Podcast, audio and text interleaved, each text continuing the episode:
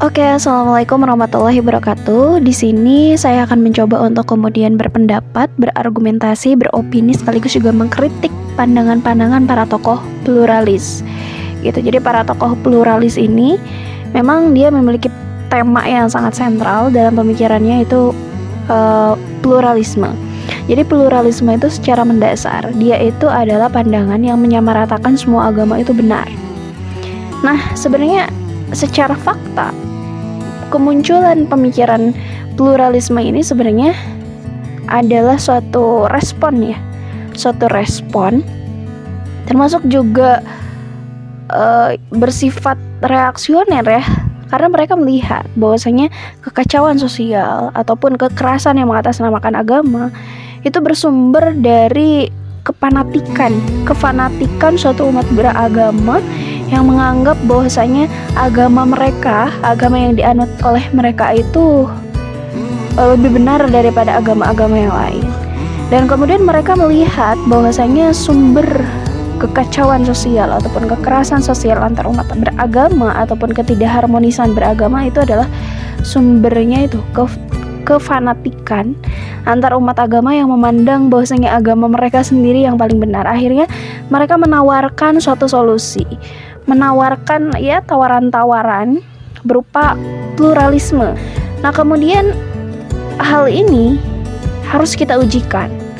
Harus kita kritik gitu ya. Apakah benar pluralisme ini kemudian berkorelasi positif terhadap keharmonisan umat beragama? Karena saya melihat bahwasanya pemikiran-pemikiran pluralisme ini adalah pemikiran-pemikiran kaum elitis yang tidak bisa diakses ataupun tidak bisa menyentuh menjadi akar daripada masyarakat pada umumnya. Jadi apakah benar pluralisme ini, pemikiran pluralisme ini benar-benar efektif terhadap apa ya, upaya untuk meminimalisir terjadinya kekerasan atas nama agama? Gitu. Nah, itu pertanyaan-pertanyaan mendasar itu yang harus kemudian dijawab oleh para tokoh pluralis gitu dengan kemudian mengaitkan dengan realitas sosial dengan permasalahan-permasalahan yang sebenarnya menurut saya tidak sesederhana apa yang dipahami oleh tokoh pluralis itu.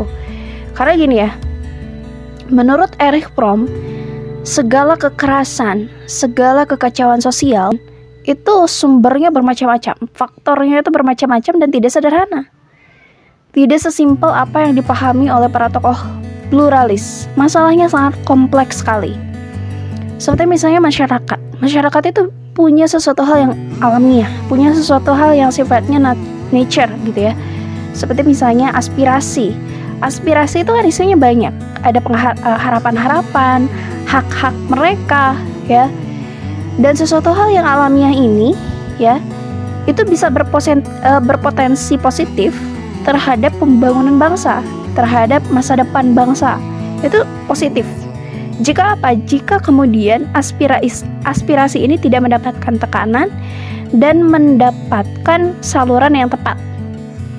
Gitu. Tetapi jika kemudian sesuatu hal yang natural, sesuatu hal yang alamiah ini kemudian ditekan, uh, tidak mendapatkan saluran yang alamiah ya, tidak mendapatkan saluran yang tepat, maka dia akan berubah menjadi destruktif. Maka muncullah kekerasan-kekerasan sosial ya. Eh, kekacauan-kekacauan uh, apa sosial di tengah-tengah masyarakat. Dan sumber masalahnya itu tidak disebabkan oleh satu sudut pandang saja gitu ya. Oleh satu masalah saja yaitu masalah keagamaan. Tidak sesimpel itu masalah sosial itu gitu ya bahwasanya kekerasan-kekerasan yang terjadi di tengah-tengah masyarakat itu banyak terjadi dikarenakan karena misal ketidakadilan sosial. Masalah-masalah yang sifatnya itu politis daripada keagamaan. Nah, maka menurut saya pandangan-pandangan para tokoh pluralis ini uh, ketika misalnya kita pahami secara holistik gitu ya, secara utuh, maka ini mereka menyederhanakan masalah.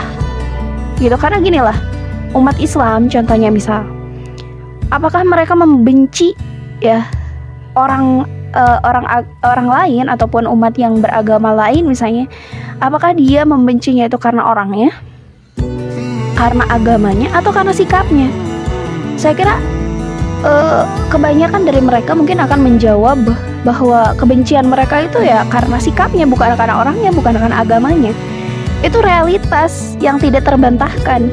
Gitu seperti misalnya sekarang ya umat muslim yang ada di Palestina. Apakah umat muslim yang ada di Palestina membenci uh, orang-orang Yahudi itu karena keyahudiannya?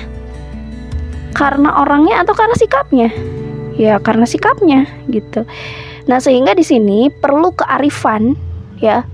Perlu kearifan dalam memandang suatu masalah.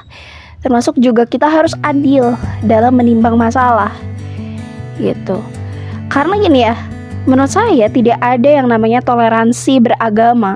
Maksudnya gini lah, kita tidak boleh sebagai umat Islam misalnya campur tangan terhadap urusan ibadah uh, umat uh, lain misalnya.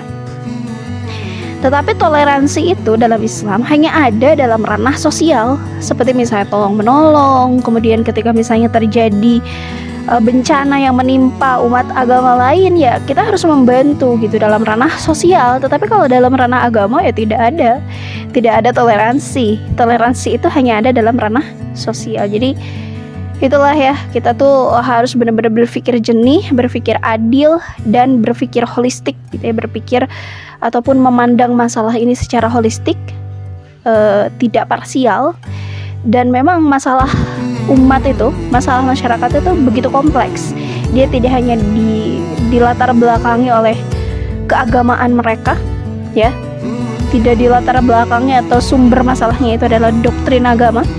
Di bawah itu yang lebih sering terjadi, yang lebih sering memicu terjadinya apa uh, kekerasan yang sifatnya destruktif itu adalah ranah uh, ketidakadilan sosial di bawah itu ya ketidakadilan sosial Eh, masalah politis ya. Seperti itu. Seperti yang terjadi di Palestina itu sebenarnya memang secara permukaan terjadi uh, permasalahan antara kedua agama yaitu agama Islam dengan uh, Yahudi. Tetapi secara ketika misalnya kita memahaminya secara mendalam ternyata di sana ada ketidakadilan.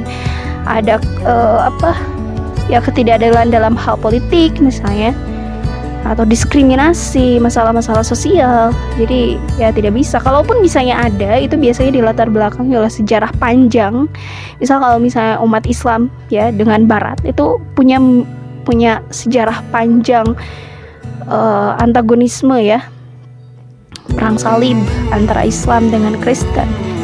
Jadi tidak benar-benar pure ini masalah agama, tetapi jauh lebih daripada itu kita harus memandangnya bahwasanya ini permasalahannya sangat kompleks jadi kenapa saya harus kemudian bersuara, memberikan pendapat ataupun kritik terhadap pemahaman pluralisme ini karena saya rasa ini ada yang tidak beres dengan pemahaman pluralisme ini. Wallahu a'lam bishawab.